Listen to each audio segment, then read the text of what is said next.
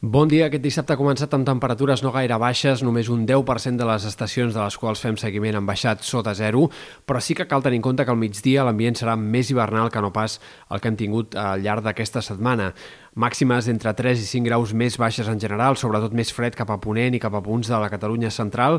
en una baixada de les temperatures que serà la tònica dels pròxims dies, tant també aquest diumenge com a l'inici de la setmana que ve, com a mínim a la primera part de la setmana que ve, seguirem amb aquestes temperatures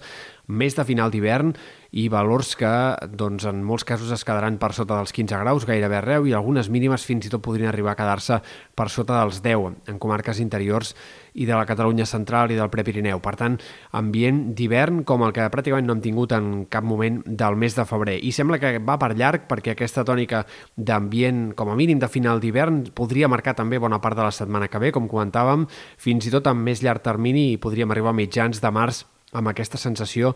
com a mínim de temperatures controlades per l'època, a diferència del que ha passat el mes de febrer, que hem tingut migdies molt primaverals, una gran quantitat de migdies primaverals. Avui cal esperar alguns ruixats irregulars que afectin sobretot a partir del migdia de cara a la tarda, comarques doncs, eh, com el Maresme, el Vallès, punts de la Selva,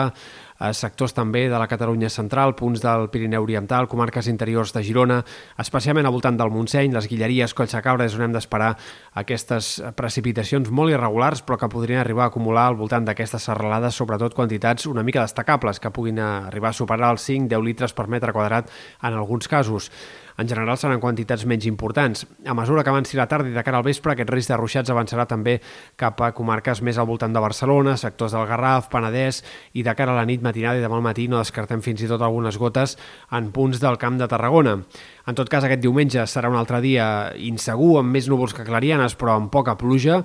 i de cara a la tarda, en tot cas, sí que es podrien repetir alguns ruixats una mica més destacables cap a punts del Prepirineu, nord de la Catalunya central,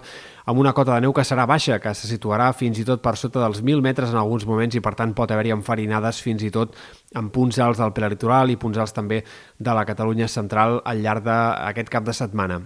La tramuntana anirà fluixant però no acabarà de desaparèixer. Aquest dissabte i diumenge seguirà protagonista o seguirà, com a mínim, deixant-se sentir una mica en sectors de l'Empordà.